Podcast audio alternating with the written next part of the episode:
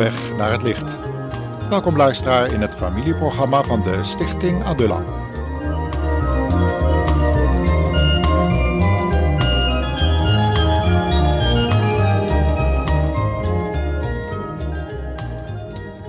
Vandaag willen we met elkaar eh, nadenken over de verstikkende zorgen die christenen kunnen hebben. Oftewel de invloed van wereldse beslommeringen op een christelijk getuigenis.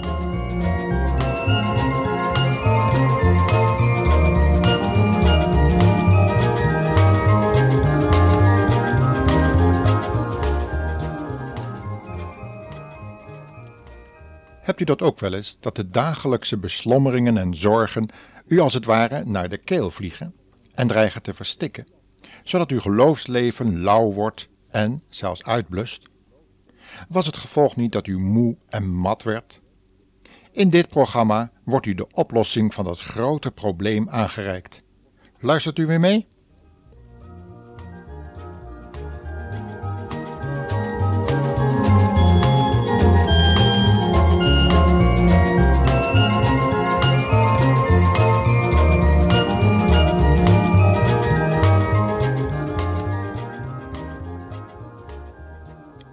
Flauw verlichte kamer zat een bedroefde man met de handen onder zijn hoofd op de tafel geleund. Voor hem lag de brief die de oorzaak van zijn verdriet en verslagenheid was. De briefschrijver was iemand met wie hij jarenlang was opgetrokken. Maar door allerlei zakelijke beslommeringen was de band wat losser geworden, om elkaar tenslotte helemaal uit het oog te verliezen. De ander was helaas van zijn geloof afgevallen en de oorzaak was verbittering jegens enkele broeders uit zijn kerk. Hij zei dat ze hem onheus hadden behandeld. En nu had deze vroegere vriend van hem een brief geschreven, met een inhoud die er niet om loog. De door zorgen zwaar beproefde man had geen antwoord op deze brief kunnen vinden. En dat feit drukte hem nog het meest. Want was ook bij hem de laatste jaren het geloofsleven niet op een zeer laag pitje gebleven? Hoe zou hij nu een antwoord kunnen geven op de vraag waar hij zelf ook mee was komen te worstelen? Zojuist had hij nog in de Bijbel gelezen die open lag bij Psalm 42. Vooral vers 10 had hem aangesproken. Daar stond namelijk het volgende: Ik zal God, mijn rots, vragen: Waarom vergeet u mij? Waarom moet ik in rouw lopen, omdat mijn tegenstanders mij voortdurend onderdrukken? Mijn vijanden bespotten mij en brengen mij de doodsteek toe door de hele dag maar te zeggen: En, waar is uw God nu? Waarom ben ik toch zo onrustig en terneergeslagen? Ik wil op God vertrouwen, en eens zal ik hem zeker weer loven, want hij is mijn bevrijder en hij is mijn God. Tja, en dan nu de inhoud van die brief. Daar stond dezelfde vraag als die Psalm 42 suggereerde. Waar is jouw God nu, sinds dat je zaak failliet is en je vrouw bij je is weggelopen? Je bent toch altijd zo gelovig geweest? Hij had er nu nog geen antwoord op gevonden, want hij zat zelf met deze vraag. Zou God hem inderdaad in de steek hebben gelaten? Of was hij op een spoor gekomen waar hij Gods aanwezigheid niet meer kon ervaren? Laten we eens zien wat de Heer Jezus over dit soort problemen te zeggen had. Het antwoord vinden we wellicht in die gelijkenis uit Marcus 4, waar we één tekst van voor willen lezen. Het is een tekst die meteen het probleem van vele gelovigen openlegt. In vers 18 en 19 van Marcus 4 staat namelijk de uitleg van het zaad dat verstikt werd, waardoor het geen vrucht kon dragen. Luister maar. De grond met distels erop zijn de mensen die het woord van God horen en er ook in geloven. Maar de zorgen van het leven, de zinloze jacht naar rijkdom en het verlangen naar allerlei dingen krijgen de overhand. Het gevolg is dat deze mensen niets doen met wat zij hebben gehoord.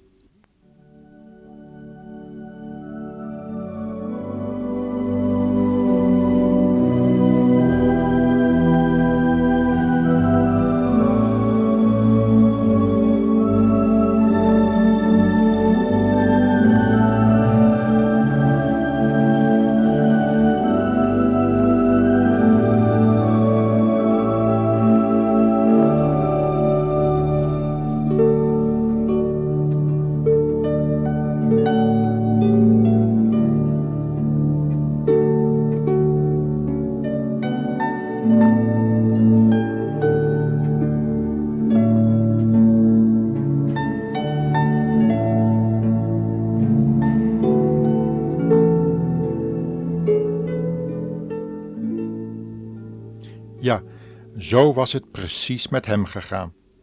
Jong getrouwd met een gelovig meisje uit zijn kerk, hadden ze zich samen het zakenleven ingestort. Zij als zijn secretaresse en telefoniste, hij zelf als handelsagent en vertegenwoordiger. De zaken liepen goed. Het geld stroomde binnen en ze steelden hun verontruste geweten met hun ruime tienden die ze aan de zending en hun kerk gaven. Het kon er tenslotte af, nietwaar? Af en toe zegende God een gesprek met een zakenrelatie die vastgelopen was in zijn eigen huwelijk. Ze deden samen Bijbelstudie en zagen hoe het woord van God vrucht droeg. Tijdens een van de weinige Bijbelstudieavonden van de gemeente waar ze mee verbonden waren, had het woord uit 1 Korinthe 9, vers 27 hen beiden diep getroffen. Want daar stond het volgende: Nee, ik hart mijn lichaam en dwingen te doen wat ik wil. Anders zou het wel eens kunnen gebeuren dat ik, na anderen voor de wedstrijd te hebben opgeroepen, zelf wordt gedisqualificeerd. Maar had hij zijn lichaam wel afgehard? Waar was alle energie en zelftucht eigenlijk heen gegaan? Was hij niet opgeëist voor de zaak? Hadden ook zij samen niet anderen opgeroepen om aan de geestelijke strijd deel te nemen, waarvan ze wisten dat het de strijd in de hemelse gewesten was, tegen Satan en zijn demonen? Maar hadden ze zelf eigenlijk wel overwonnen en volhard? Waren ze een voorbeeld voor de Bijbelkringbezoekers geweest? De zaak had steeds meer beslag op hun tijd gelegd. Of was het eigenlijk wel hun tijd? Was het niet de tijd van de Heere God?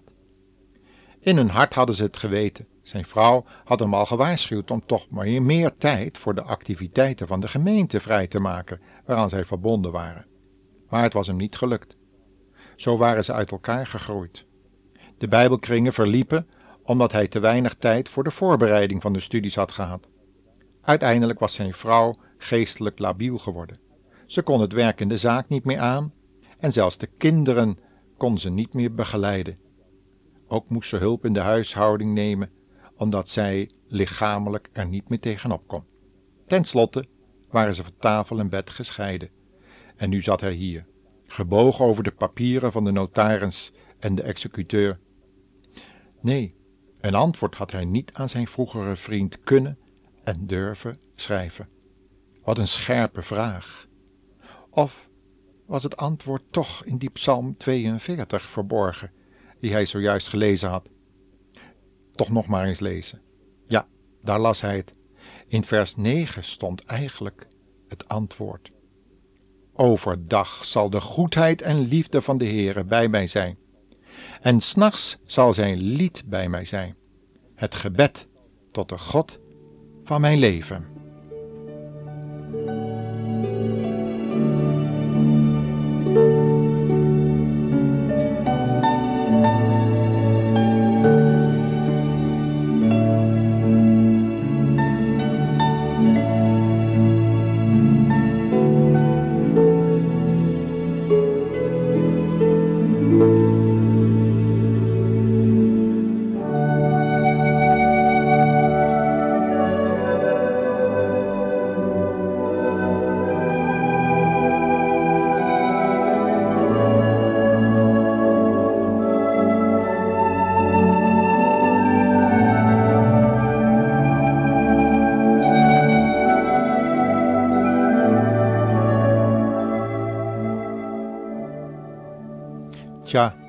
Toen het nog dag was in hun leven, toen het woord van God hun nog tot een licht op hun pad en een lamp voor hun voet was, was alles nog goed gegaan.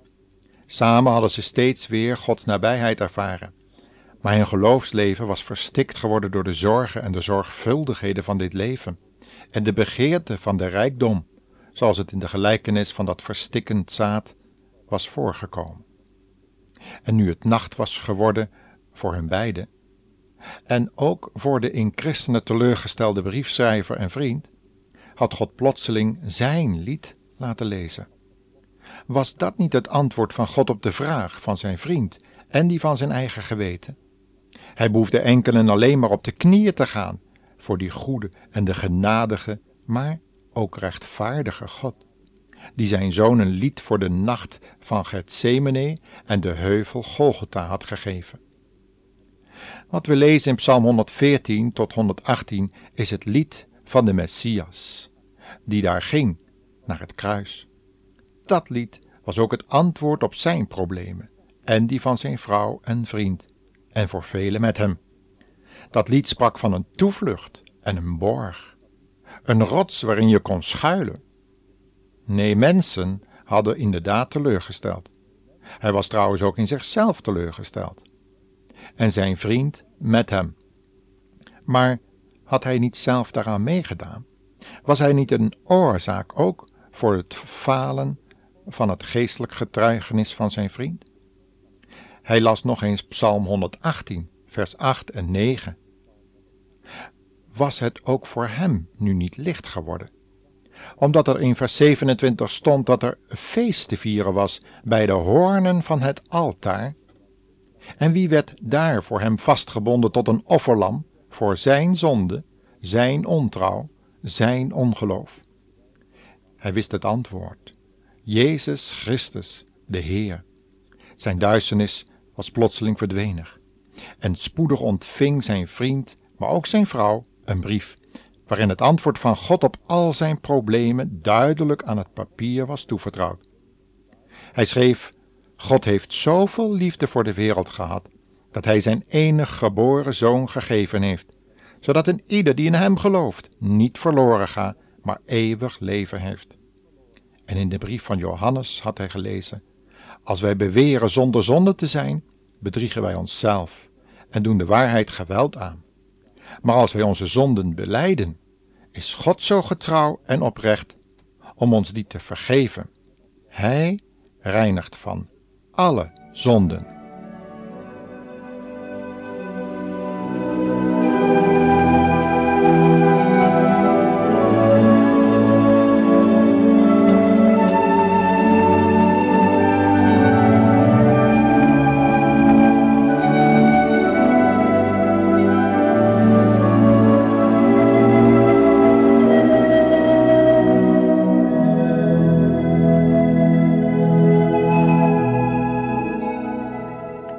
Strijd was gestreden.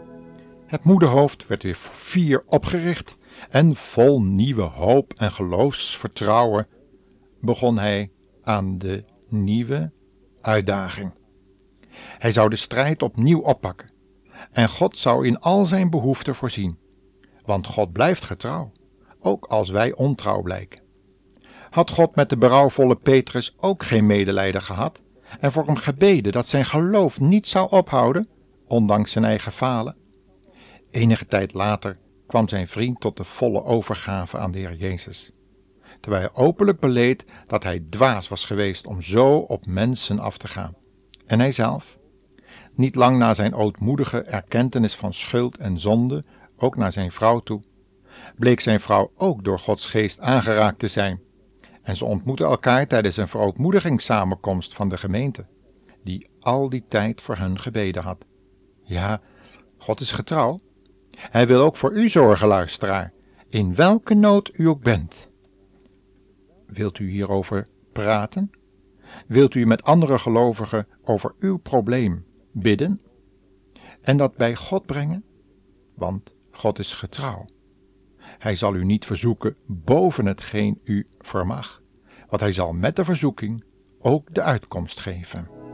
God zegene u en brengen u terug aan de voet van het kruis van onze Heer Jezus Christus. Wat hebben we dat nodig? Want Hij komt spoedig. Alle tekenen wijzen erop.